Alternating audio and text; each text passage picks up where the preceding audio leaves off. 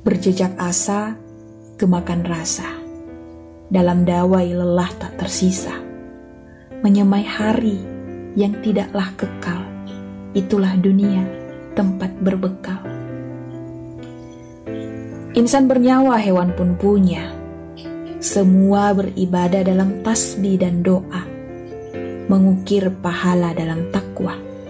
Hingga akhirat menjadi ladang yang kekal. Jikalau diri lupa akan kalamnya, apalagi petua dari sabdanya, lantas, apa makna hidup manusia? Bukan lagi ukuran harta yang dipunya. Tahta tak bernilai bila hari kiamat tiba. Maka, marilah kawan, perbaiki diri, perbaiki ibadah, perbaiki amalan.